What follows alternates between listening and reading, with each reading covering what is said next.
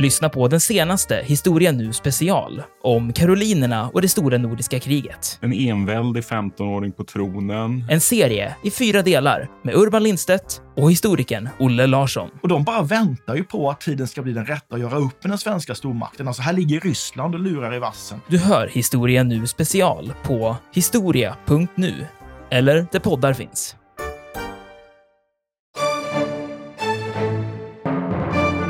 Efter att vi har kastat ut kungen, då tar de äldre jordägarna, fäderna i staden, gubbsen, fader på latin pater, Det är patricierna. då tar de makten i sitt råd och eh, betraktar kungligheter som något allmänt skumt. Och då blir det ett fult ord.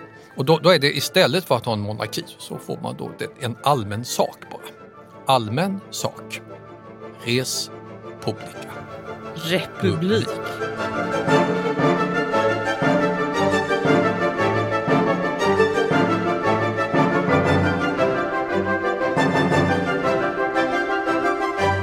Välkomna till Harrisons dramatiska historia med mig som heter Dick Harrison och är professor i historia vid Lunds universitet och Mig, som heter Katarina Harrison Lindberg, är gift med Dick och skriver historisk facklitteratur.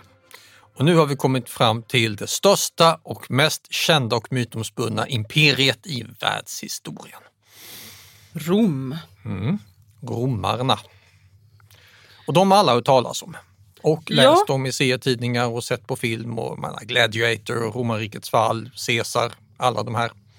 Ja, jag tänker, ju mer vi sitter med antiken här nu, desto mer inser jag hur mycket jag har lärt mig av att läsa Asterix. Ja, och som faktiskt är en bra guide till hur antiken såg ut när det gäller just utanverket. Hur ett romerskt härläger var uppbyggt, hur Roms topografi såg ut.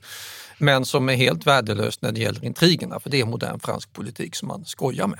Men det är ju ändå så här att när man börjar med antiken då är det Grekland som gäller. Det är Zeus och Afrodite och hela det här gänget.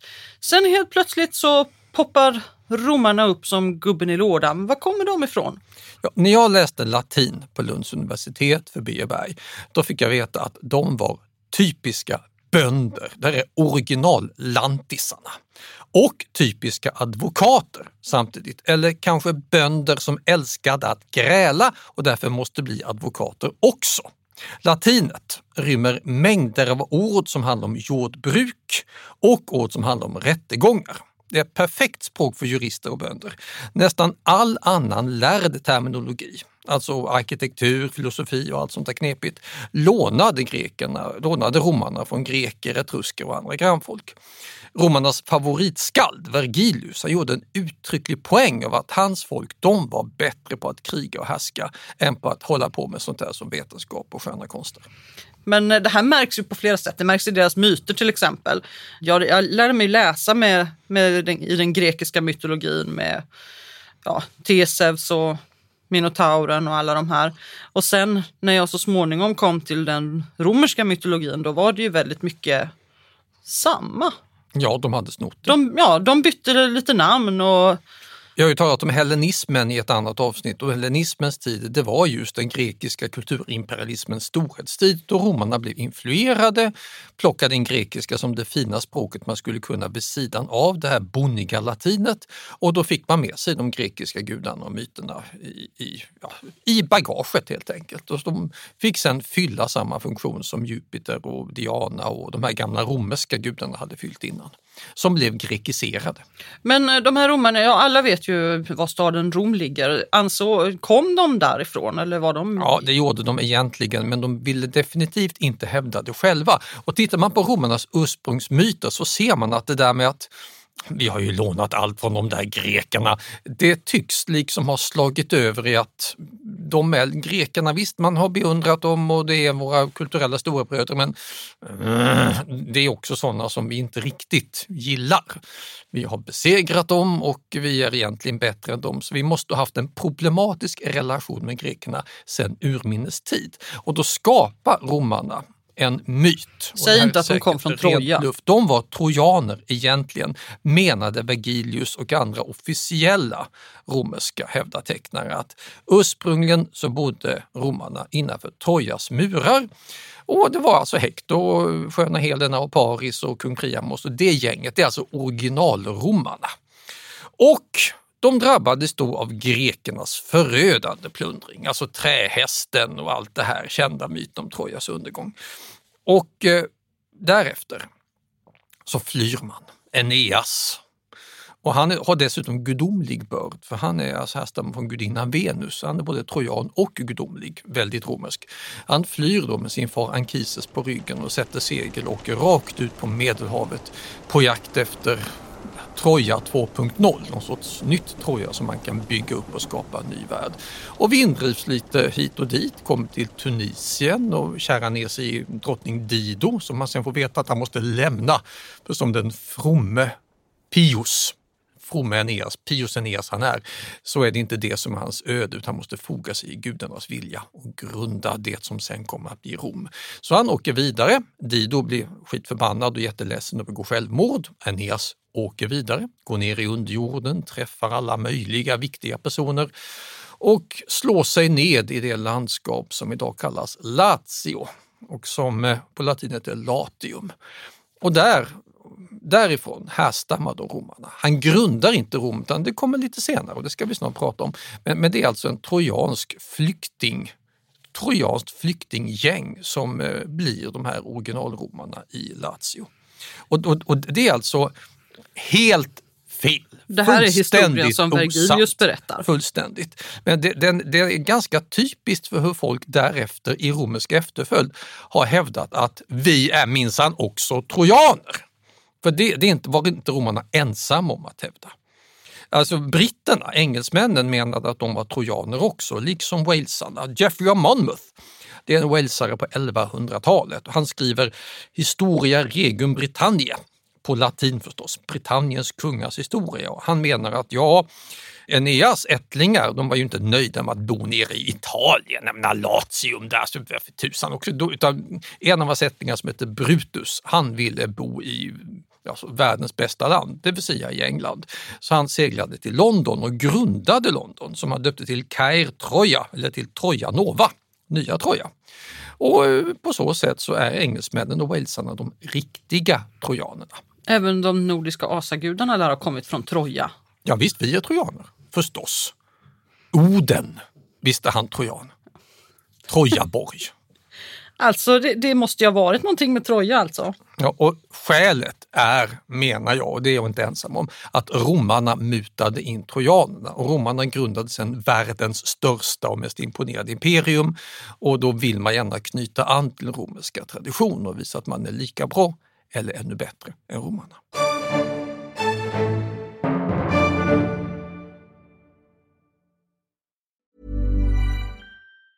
Hi, I'm Daniel, founder of Pretty Litter. Did you know cats tend to hide symptoms of sickness and pain? I learned this the hard way after losing my cat, Gingy. So I created Pretty Litter, a health monitoring litter that helps detect early signs of illness by changing colors, saving you money and potentially your cat's life. Pretty Litter is veterinarian developed, and it's the easiest way to keep tabs on your fur baby's health right at home. Go to prettylitter.com and use code ACAST for 20% off your first order and a free cat toy. Terms and conditions apply. See site for details. I'm Sandra, and I'm just the professional your small business was looking for. But you didn't hire me because you didn't use LinkedIn jobs. LinkedIn has professionals you can't find anywhere else, including those who aren't actively looking for a new job but might be open to the perfect role, like me.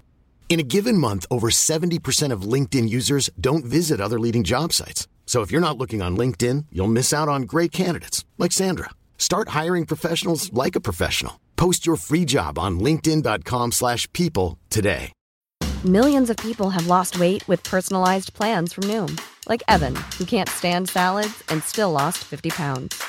Salads, generally, for most people, are the easy button, right? For me, that wasn't an option.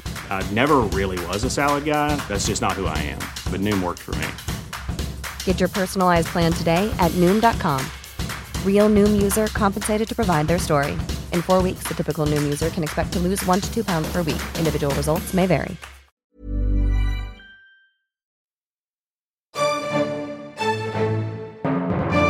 Det här är en av alla myter som vi har om det äldsta Rom, men det är inte den kändaste myten. För Aeneas, han bara etablerar sig i Latium och hans son Ascanius grundar en stad, Alba Longa, så, men det är inte, de har inte grundat Rom än utan det är fortfarande lite halv vildmark vid de här sju kullarna.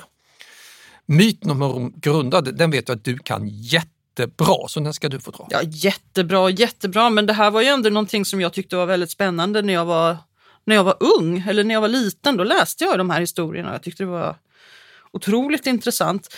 Så jag har, jag har förstås läst om Eneas och Dido, det var ju enormt romantiskt. Men eh, det är precis som du säger att eh, ja, de kom ju till den här platsen och eh, så sägs det då att eh, så småningom så, så fanns det en, en kung som hette Numitor som eh, han eh, han hade avsatts? Ja, han, han, han avsattes, av, ja, han avsattes av sin yngre bror som hette Amulius och han lät döda Numitors söner. Men han hade också en dotter, den här Numitor, som han inte tyckte att han kunde döda då, utan hon hette Rea Silvia och henne satte han i ett eh, Vestatempel. Mm. Och grejen med Vestatempel var att där träffade man inga män. Vestaliska ja. jungfrurna. Det finns ett sånt där Vestatempel på Forum Romanum i Rom. Alltså det gör det. Väldigt mycket i ruiner men ja. ändå ganska liten byggnad mm. där de vårdade Vestas heliga eld, härdgudinnorna. Poängen är ju då, eftersom han stoppar in henne i det här templet så kommer hon förstås aldrig att få några barn, tror han. Men hon gjorde en, en liten utflykt skulle man kunna säga till ett eh, Mars-tempel. Och när hon... Krigsguden ja, Mars. krigsguden Mars. Och när hon var där så blev krigsguden Mars ja, förtjust i henne. Så han eh, våldtar den här kvinnan. Och hon föder så småningom tvillingar. Och Amulius, alltså den här yngre brodern då till, till hennes pappa Numitor, han vill döda de här två tvillingarna för att han förstår ju att ja, de kommer ju växa upp och bli stora män som kan hota honom. Och han ö, låter en slav ta hand om det här uppdraget. Men slaven han blir lite, lite mjuk då. Han kan inte riktigt döda de här späda barnen så han sätter dem istället i ett tråg i floden Tibern och låter. Alltså det är så typiskt med de här galna tyrannerna och ilskna mördarna. Hade de gjort jobbet själva ja, så hade här, de ja. lyckats. Jag menar, spegel, spegel på väggen där, säg vem som vackrast i landet är. Ja, det är inte du drottning, det är Snövit. Ja, hade hon dödat prinsessan direkt? Ja, slut på historien. Istället låter hon en feg jägare gå ut och döda Snövit och han bara, nej, det är klart hon ska få leva och bli eh, hushållerska åt sju eh, kortvuxna gruvarbetare. Alltså varför gör inte skurkarna jobbet själva? De sitter som någon sorts James Bond-skurkar i någon bunker och delegerar arbetet åt fegisar. Ja. Och annars hade inte Rom grundats. Precis, annars hade inte Rom grundats. För de här två barnen, det var ju Romulus och Remus. Och de flyter iväg, de dör inte alls, utan de eh, flyter i land på ett eh, ställe och eh, tas om hand av en varginna som låter dem dia henne och de växer upp där. Det har jag också sett på film. Det heter Djungelboken, men det är det bara en kille, han heter Mowgli. Ja. Nej, alltså man ser, det här går ju igen. Det här har varit en populär story. Ja. ja men vad händer sen med Morgan? Förlåt, Romulus och Remus. Ja, i alla fall. Det fortsätter. De, de tas om hand av en herde. De, eh, de får sina namn, Romulus och Remus, och de växer upp där bland herdarna. Och, ja, och så småningom så, så kommer de ju tillbaka då och, eh, och förstår vilka de är och de dödar den här Amulius och återuppsätter sin morfar på tronen. Därefter så bestämmer de sig för att de ska grunda en egen stad. Starta eget? Ja, precis, där de har vuxit upp. Men medan de gör det så blir de osams och det slutar med att Romulus slår ihjäl sin bror Remus och därefter bygger Romulus färdigt staden som fick namn efter honom och blev staden Rom. Han blev Roms första kung och han han, han verkar inte varit en trevlig man den här figuren. Slår ihjäl sin bror. Ja, han slår ihjäl sin bror och sen så han behöver ju ha befolkning till stan så han öppnar stan som här kan ni vara, här slavar som flyr, fredlösa, brottslingar, alltså vilka det än är, de är välkomna. Men det alltså, kommer ju... Hells Angels gäng med idel jobbiga ungdomar, killar. Ja. Hur fick de tjejer? Ja, det är ju det. För det, fick, det kom ju inte så många kvinnor till den här stan när det var de här busarna som dök upp hela tiden. Så att eh, de ger sig iväg till eh, sabinernas land och rövar bort kvinnor. Är det inte så att de har någon sorts gästabud? De bjuder in sabinerna och sen så plockar de med sig flickorna bara och eh, kidnappar dem. Det finns massor med romantiska 1800-talsbilder på det här. Sabinskornas bortrövande. Ooh. Och det finns en Hollywood-musikal också, Sju bröder och sju brudar mm. i vilda västern där några killar ute i vildmark gör på mm. exakt samma sätt. I alla fall, det, det slutar ju lyckligt i alla fall. Ja, det blev en stad av det och det, det här är inte en sann historia kanske vi ska lägga in. Nej, ingenting av det här gamla är sant och mycket av det här kan man ju hitta i mängder av andra myter. Jag menar Mowgli, Djungelboken, Vildmännen som diar vargar, det är alltså ett standardtema i hela världen. Men vargen, den den har, har ju, funnits. Den, den, vargen har funnits. nej. Du, mig du har varit i grottan och sett det här, ungefär som den nemeiska nej, nej, nej, nej, nej, absolut inte. Vad jag försöker säga är att det finns, jag menar vargen, i Rom så tyckte man att det här var en bra historia. Så att eh, reser man till Rom idag så kan man ju se den här vargen som staty och sådär. Så, så, ja, den romerska varginnan, ja, det är en precis. sån här klassiker. Mm. Och den, den, när man ser den som staty, då är den statyn jättegammal. Den är antik. Och sen sätter man till två små bronsbebisar som diar den efteråt. Mm. Som någon sorts infogning i en gammal myt, även i skulptural form. Så det här, det här bör man känna till när man är i Rom och vi har dratt det här för Nala på eh, Forum Romanum. Det har vi eh, säkert gjort. Oh ja, jag gjorde det. Men och romarna kunde ju peka ut sevärdheterna, alltså var någonstans var innan diad och varifrån Romulus och Remus kom. Så att det här, det här, även om det här är väldigt lätt avvisad historiebluff så hade den en enorm betydelse för romarna. Alltså deras tideräkning började med det här Ja, det här är ju så roligt för det är inte bara som att det här var någon sorts avlägset förflutet utan de hade ju datum, jag skulle nästan säga klockslag, det hade de inte, men de hade, de hade datum för när, när det här skulle mm. ha inträffat. För romersk tideräkning börjar på latin ab urbe condita från stadens grundläggning, exakt år 753. Då grundades det här. Till en början var det lite smågräl. Vissa hävdade att nej, år 728, men 753 vann och det var då år ett i Roms tideräkning. Sen räknade man därifrån och framåt. Och eh, så här skapade man alltså någon sorts historieromantisk vision av den egna civilisationens gryning redan under antiken. Sen lägger man till Troja lite efteråt när man tänker att 753 det är ju bara runt om hörnet, vi ska ju vara äldre och då, då dyker Aeneas och trojanerna. Det var en annan sak vi pratade om igår också, det var de här sju kullarna. Ja visst.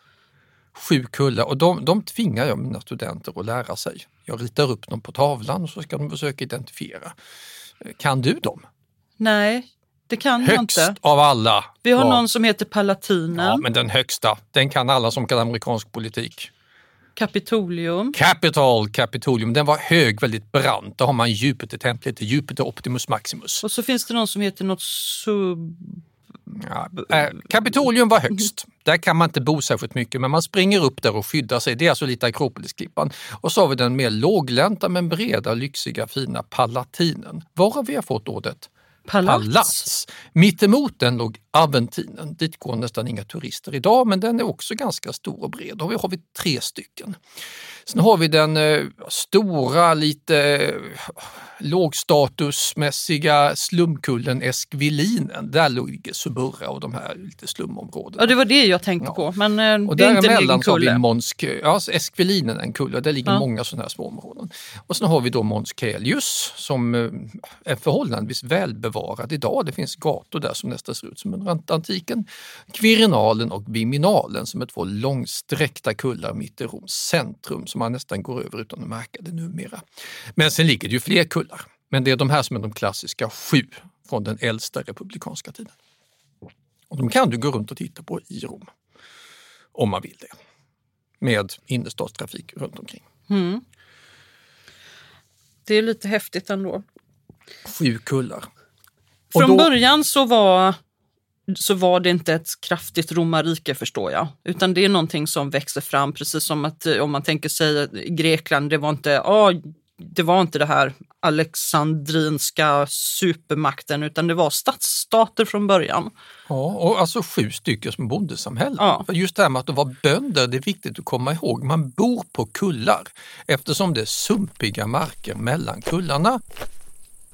Och sen går man ut och så är man bonde och lantbrukare runt omkring. Och de har inte så jättemycket gemensamt, men de är praktiskt lagda bönder, hantverkare. Och första problemet blir ju då hur man ska få det lite lättare att gå mellan kullarna, alltså dränera bort en massa skit och massa vatten. Och där visar sig romarna vara väldigt skickliga ingenjörer för deras första stora underverk, som säkert Plinius ville haft med på eh, världens underverkslistan om man tänkt på det, det var den stora kloaken. Eller den största kloaken, Cloaca Maxima. som fortfarande finns som kloaksystem i Rom och det är en väldigt, väldigt gammalt byggnadsprojekt. Och så får man då dränera det här låglänta sumpområdet mellan de här centrala kullarna. Och där, eh, eftersom det här är ett hårt liv så använder man det som begravningsplats till en början. Och är där väldigt ofta, trivs där, inser att det här är bättre för levande än för döda och gör det till torg. Och det är där man tar entré idag och släpper in horder av turister som tittar på massa ruiner. Det romerska torget. Forum Romanum. Och så mycket turister är det ändå inte där. Det, det, De flesta tror vi Colosseum och blir trötta Ja. på kö. så att eh, Forum Romanum, det är helt klart värt ett besök.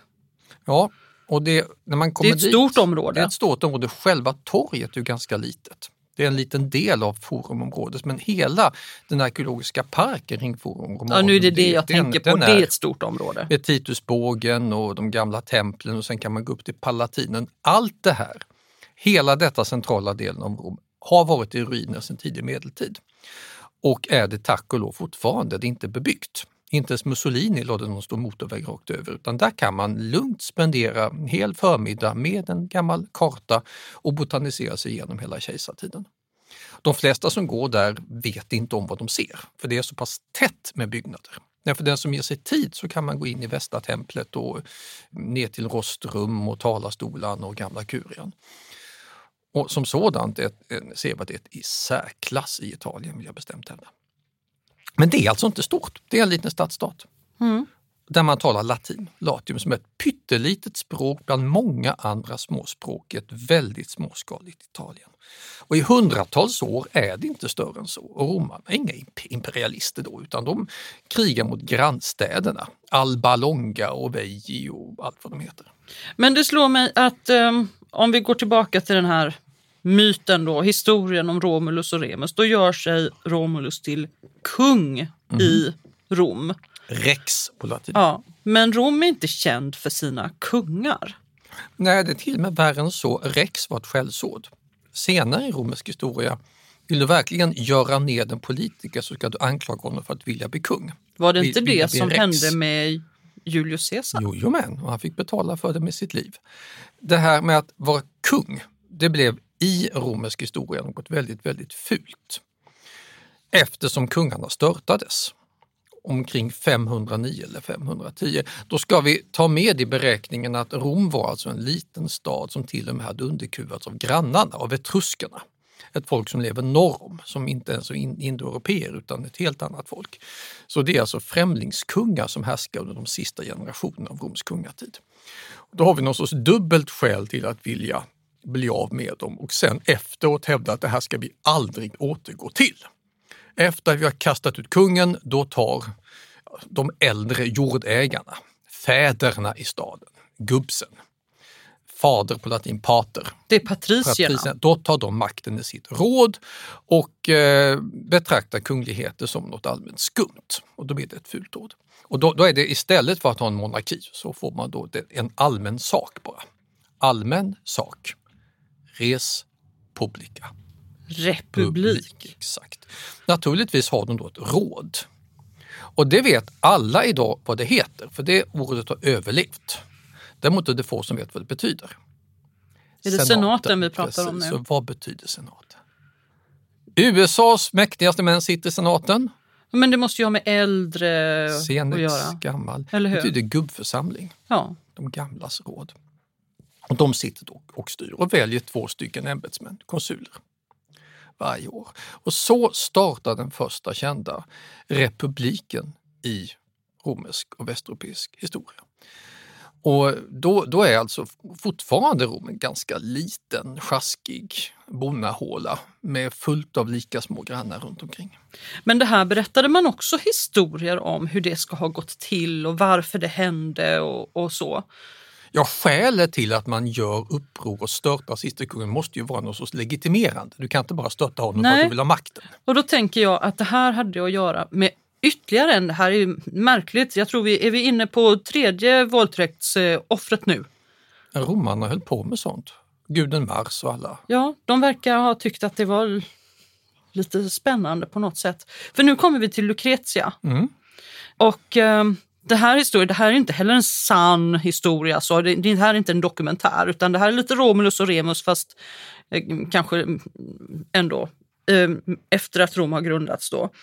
då ska det ha varit så här att den sista etruskiske kungen i Rom, han ska ha haft en son som hette Sextus Tarquinius. Och han blev väldigt eh, ja, förälskad, förtjust, intresserad av av, lust. upptänd av lust kan vi säga, till den här Lucretia, en romersk kvinna som var gift och ja, upptagen och inte alls intresserad av honom. Men eh, han, kunde, han, han brydde sig inte om det här. Så han sökte upp henne i hennes hus, i hennes sängkammare om natten och våldtog henne helt enkelt. Och, eh, och hon blev ju förfärad och hon visste ju att det var han så nästa dag så... Kungens son. Ja precis, kungens son. Men hon fanns inte i detta. Utan eh, hon sökte upp sin far, för det gjorde man på den här tiden, och berättade för, för honom att det här har hänt. Sextus Tarquinius sökte upp mig och våldtog mig och eh, vi måste hämnas, du måste hämnas, min, min släkt måste hämnas. Och därefter så begick hon självmord genom att stöta en dolk genom hjärtat eftersom hon inte kunde leva med den här skammen som hade drabbat henne då. Då är hon en riktigt sann romarinna. Ja. Hon begår hedersmord på sig själv för att familjens och hennes ära kräver Ja. det. Det är typiskt romerskt. Det här är också väldigt ofta avbildat i konst, för sånt här gillade man ju långt senare. Men i alla fall, eh, hennes släktingar de blir ju helt så, åh gud det här, hur, hur? Och så, så att de, svär, de svär ju naturligtvis att hämnas och eh, göra sig av med hela den här regerande kungliga dynastin. Den här döda kroppen på kvinnan den visades upp på Forum Romanum så att alla kunde se det här och, och ja, känna samma förfäran som de gör. Och därefter så ja, då, då, då, så de svär sig samman och rekryterar en armé och eh, har en omröstning faktiskt. Men då ska vi avsätta kungen. Och så säger det, det kommer ett rungande ja på det. Och sen så överlåter man makten till senaten, den här gubbförsamlingen och två konsuler. Så, och, och när, när den här sista kungen han försökte få hjälp, det funkade inte. Han heter Tarquinius Superbus. Och eh, när min, en, en mina doktorander Det är ju superbus. undervisa om honom så blir det superbus hela tiden. Och det kommer studenter ihåg. Ja. Ja, det är så man kommer ihåg det.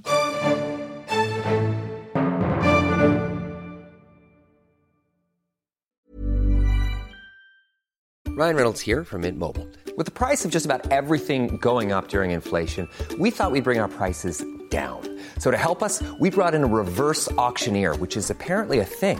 Mint Mobile unlimited premium wireless. Ready to get 30, 30, bit to get 30, bit to get 20, 20, 20, bit to get 20, 20, bit to get 15, 15, 15, 15 just 15 bucks a month. So, Give it a try at mintmobile.com slash switch.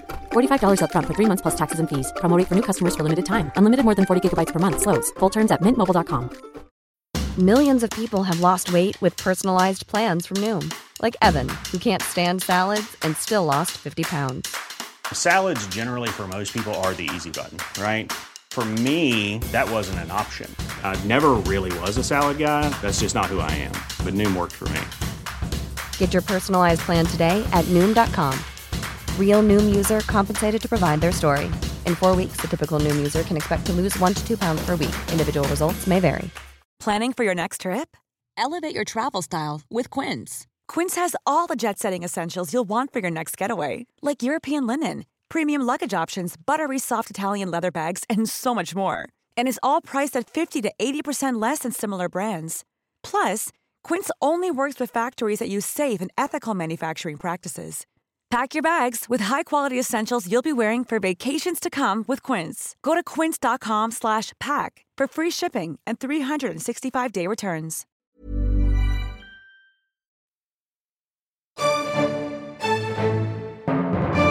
Ja, så det här, hela den här historien som ju är halvhistorisk, alltså kan ha hänt men kan aldrig beläggas, den älskade ju eh, Tizian, Rembrandt, Rafael, Botticelli, Artemisia Gentileschi, alltså hela det här renässans och barockgänget som var konstnärer tyckte ju att det här var, sånt ska förevigas på duken. Så den som vill se Lucretia eh, kan googla fram det här väldigt snabbt och lätt. Ja, och, det, och den säger någonting om hur medlemmarna av den romerska överklassen såg på kvinnor. Anständiga kvinnor ska vara kyska och behärskade men framförallt besjälade av en stark äktromersk hederskänsla, offervilja för familjen och för det allmänna, för res publica, den allmänna saken. Det finns en annan sån här historia som jag passar på att berätta nu. Det, det är den lite senare, alltså flytta fram 50-60 år. Då ligger de här romarna i fejd med en grannstad. Mm. Alba Longa tror jag, moderstaden till Rom. Och den kunde bara avgöras genom envig så att tre stycken starka gossar från en stad fick slåss mot tre starka gossar i den andra. Och horatierna, de romerska gossarna, de svor då en ed att de skulle utkämpa det här för fäderneslandets skull. Och gick sen iväg, kämpade och dog allesammans utom en Horatia som överlevde och därmed vann för Roms skull. På vägen tillbaka fick han se en av sina systrar som sitter och gråter. Jätteledsen och då tror han ju att ja, jag gråter ju för att mina bröder är döda. Nej, jag var kär i en av kuratierna och du har slagit ihjäl min pojkvän. Och vad gör då den sanne romaren? Han tar sitt svärd och hugger ihjäl syran eftersom hon var kär i fienden. Det anstod icke en sann romersk kvinna. Och för detta vann han heder och ära. För detta vann han heder ja, och alltså ära. det, det, det är romerska. Det här för övrigt ledde till att Jacques-Louis David, den nyklassicistiske franske målaren på 1700-talet, gjorde en av de kändaste målningarna från den eran, när horatierna svär eden. Och då hittade David på att de här tre horatiska gossarna räckte upp sina händer högerhanden snett framsträckt uppåt för att svära eden. Det är alltså en gest som David hittade på. Och det imponerade så mycket på folk att det blev känt som romersk hälsning. Och sen tyckte nazisterna att det var en sån snygg hälsning att de tog över den. Och den är idag känd som Hitlerhälsning och är kriminaliserad i stora delar av världen. Se där vad romarnas knasiga historier kan resultera i. Ja, där ser man. Men då är det fortfarande en liten, liten, liten stad.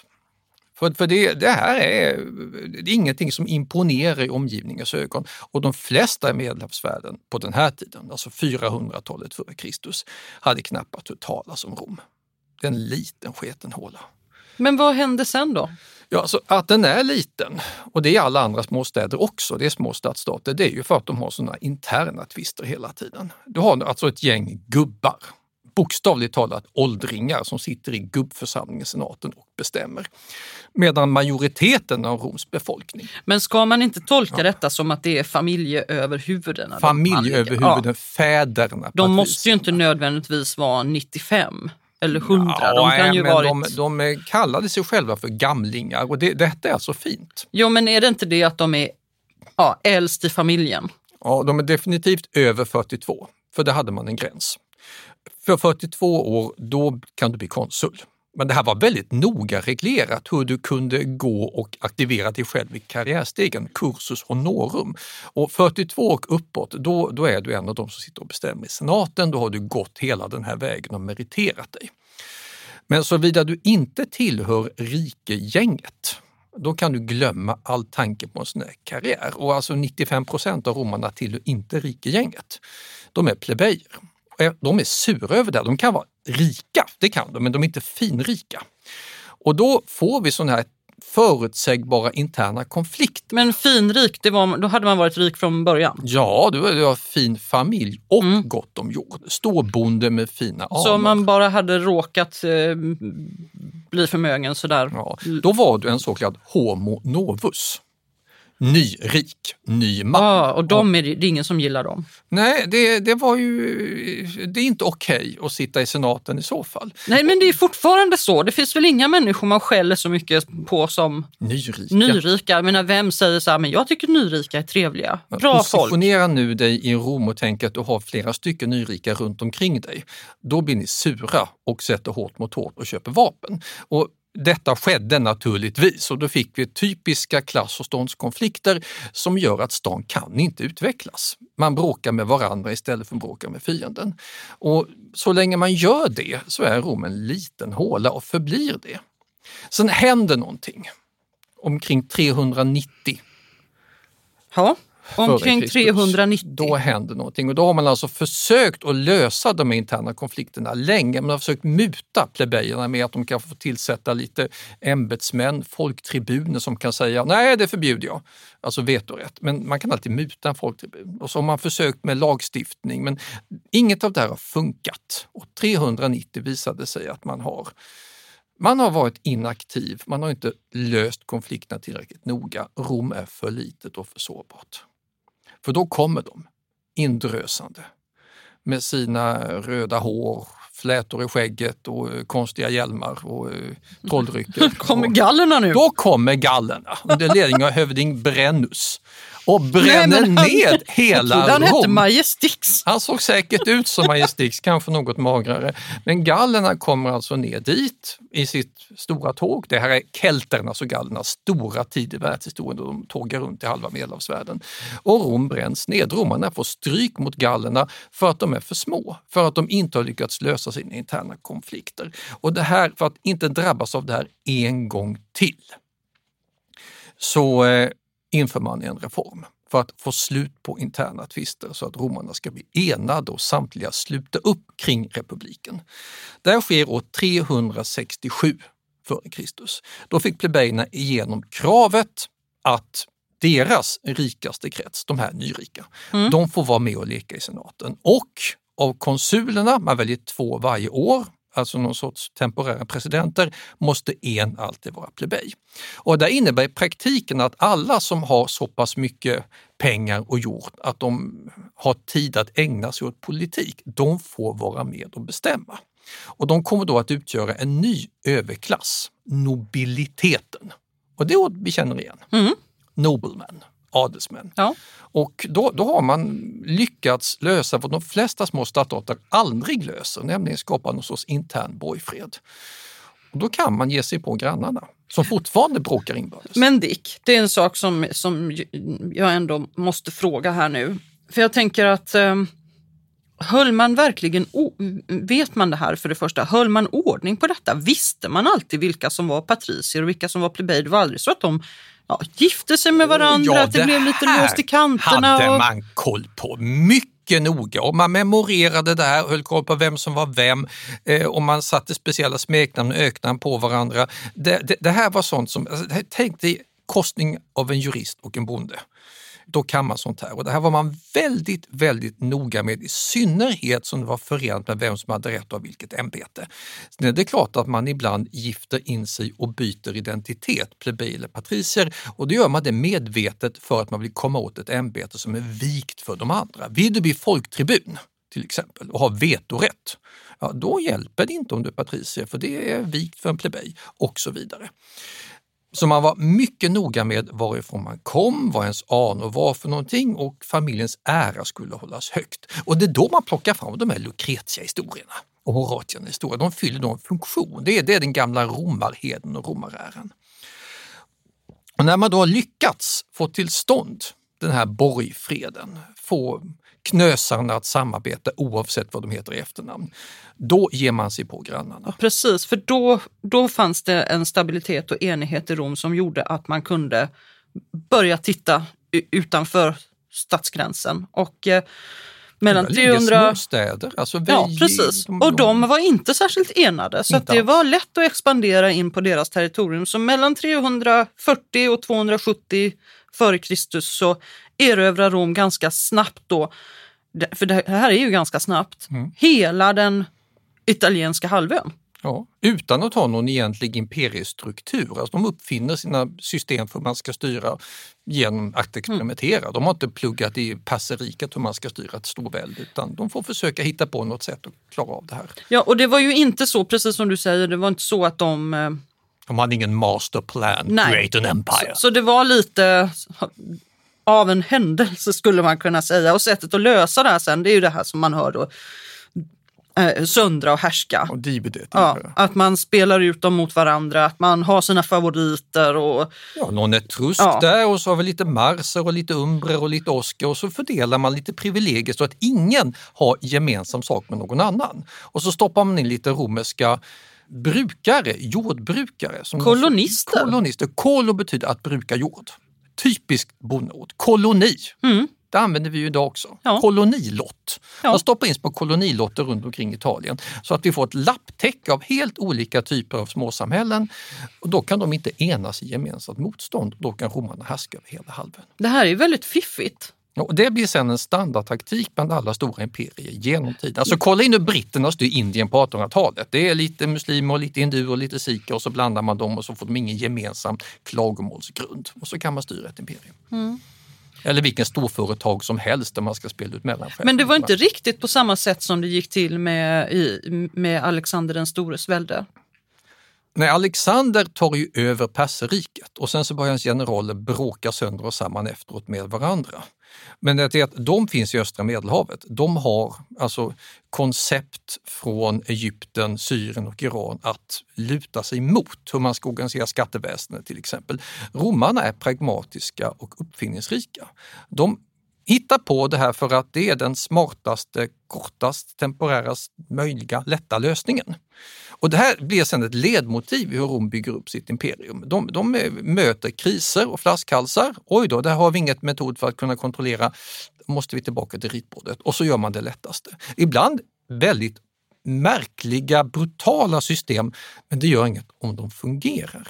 Om jag tar sen nästa steg, då erövrar man Sicilien. Det är efter ett Mm. krig med Kartago. Det är en stormakt som ligger i Tunisien och det blir över hundra års fight innan det här är färdigt. Men då får man Sicilien och där kan du inte använda söndra och härska tekniken för det är för långt bort. Mm. Det, är, det är ett sund emellan och det är väldigt många mäktiga folk där. Då gör du Sicilien till en provins.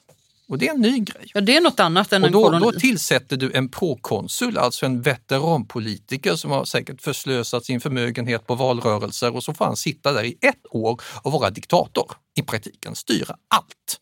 All makt över skatteindrivning, över militärmakt, domstolar, allting i ett år, inte längre. För då kan han börja få idéer och vilja bli självständig och utnyttja makten för egen vinnings skull. Men i ett år får han berika sig och bestämma allt. Och eftersom han då får den stora makten så kan han kontrollera Sicilien, hela provinsen effektivt.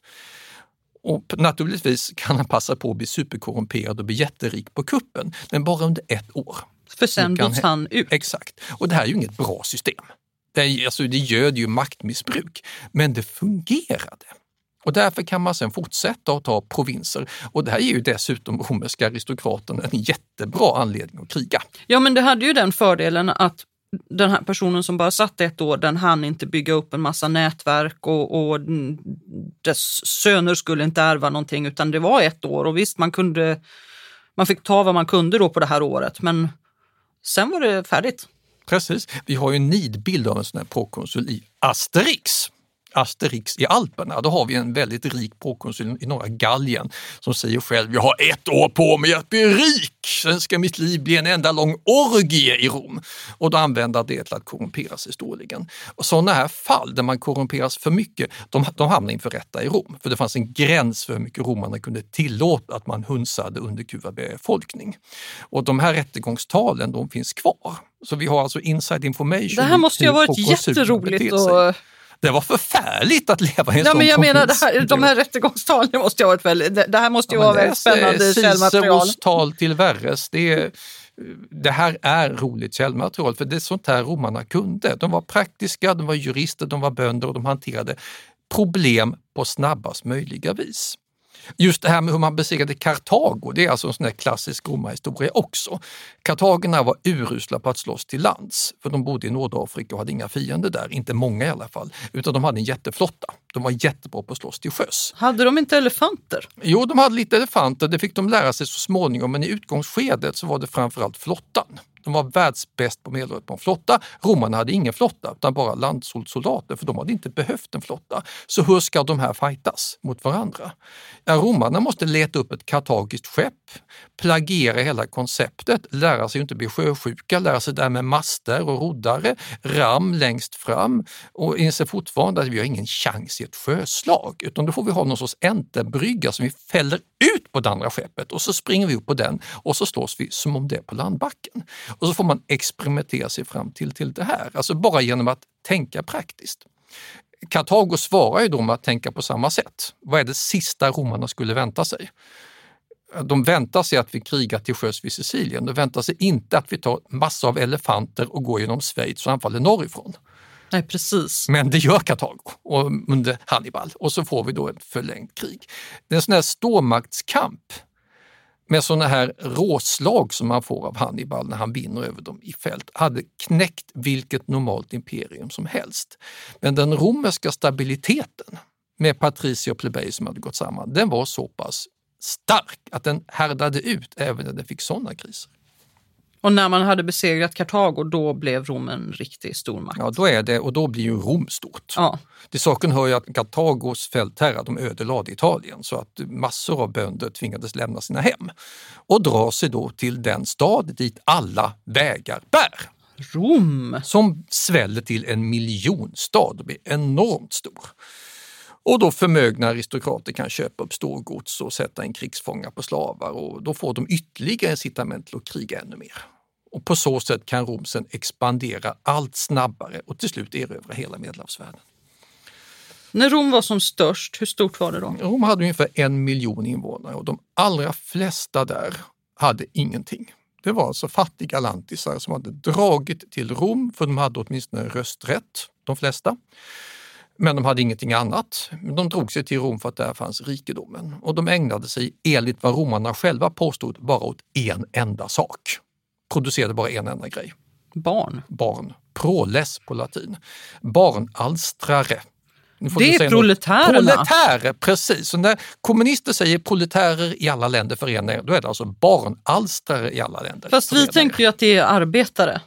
Ja, de jobbar inte alls. Det är det som är poängen. De vill inte jobba, de vill bara ligga hemma och lata sig alltså på och tigga ihop saker. De har inga jobb. Men, de har bönder innan då, och då blir det ett socialt problem. Då, då måste romarna ju, hantera det problemet. Då undrar man, hur blev proletärerna proletär arbetare? Hur blev, hur, Ja, för senare, flytta fram klockan till 1700-1800-talet när vi har nyklassicismen och antiken får en renässans och man börjar beundra antika Rom och greve Pompeji och allt det här. Då vi får vår moderna politiska vokabulär och då plockar man senat och konsul och proletär och allt det här. Den terminologin plockar man in i sitt eget samhälle och då blir proletarius, proletär, den utfattiga som det är synd om. Då blir det en term som den växande socialistiska rörelsen tar till sig. Det är långt senare. Långt, långt långt senare. Men de här proletärerna på den gamla, riktiga proletärtiden, de utgör alltså ett socialt problem för de är en stor, väldig, växande pöbel som utgör ett stort socialt dilemma. Hur hanterar man det i Rom? Det är då man kommer in på bröd och skådespel, eller hur? Man ger dem bröd, man ordnar livsmedelsleveranser och bjuder dem på det bästa de vet, nämligen våldsunderhållning på scenen. Gladiatorer står ihjäl varandra eller något annat. Alltså våld och sex det har de nu. Sex står de själva för, våld får de titta på och så ger man dem mat. Och som tack för det här, ja då får de rösta på den familj som ger dem det här.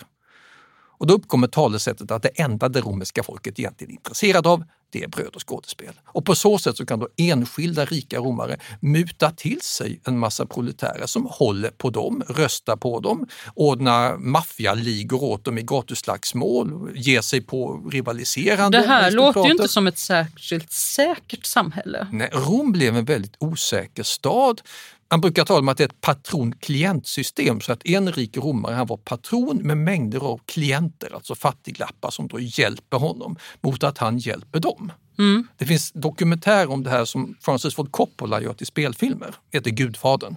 Utspelar sig långt senare, Ja. men det här är ju någon sorts maffiasamhälle Ja, det blir ju det. i Italien. Där man då bygger upp sådana här privata välden i Rom för att få det att funka. Återigen, det här är ju inte bra. Men det fungerade ett bra tag och det var ett lätt system att halka in på. Och det är så det romerska imperiet växer fram, pragmatisk anpassning. Men allt detta, alltså det här låter ju ändå som någon sorts permanent krissituation. Ja, man löste kriserna när de dök upp, det dök upp, men man byter inte ut systemet som sånt på hundratals år, utan man löser den konkreta krisen och så arbetar man sig vidare. Och så småningom får man ju en helt hopplös situation där vi har romerska fältherrar med inte bara privata gangsterligor i Rom utan med privata arméer som Ja. de avlönar själva. Marius, Sulla, Pompejus, Caesar, Crassus och alla de här. Och i det läget så är det bara en tidsfråga tills den största fisken äter upp de andra.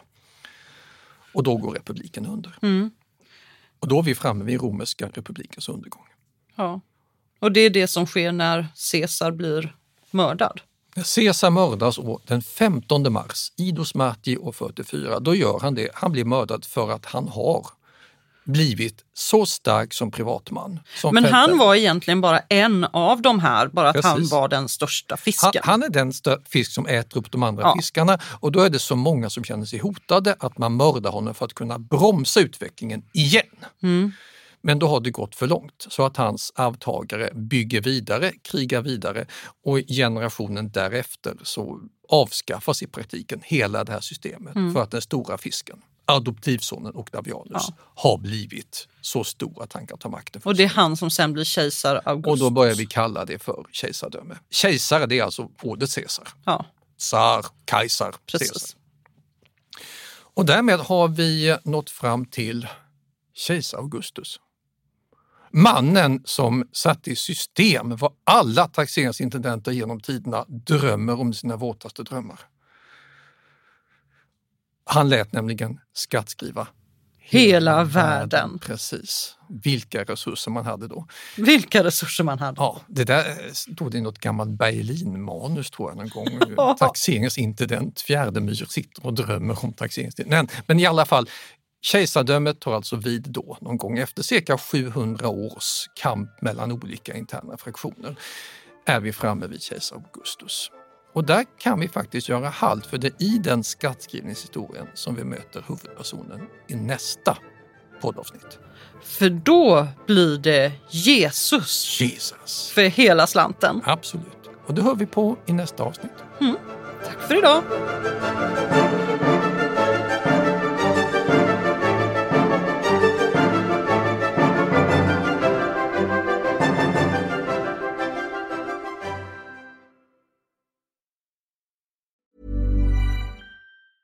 Planning for your next trip? Elevate your travel style with Quince. Quince has all the jet setting essentials you'll want for your next getaway, like European linen, premium luggage options, buttery soft Italian leather bags, and so much more. And is all priced at 50 to 80% less than similar brands. Plus, Quince only works with factories that use safe and ethical manufacturing practices. Pack your bags with high-quality essentials you'll be wearing for vacations to come with Quince. Go to quince.com slash pack for free shipping and 365-day returns. Iran har under 1900-talet genomgått tre omvälvande revolutioner som orienterat landet antingen mot västerlandets modell eller mot en auktoritär styrelseform. Idag pågår en social revolution i landet som vänder sig mot det islamistiska styret och vars anhängare har Europa och väst som förebilder. I en viktig bok ger idéhistorikern Mohammad Faslashemi en djupare förståelse för dagens dramatiska händelseutveckling. Iran mellan tre revolutioner är utgiven av förlaget Historiska Media. Beställ den fysiska boken på förlagets hemsida historiskamedia.se eller köp den i en bokhandel nära dig.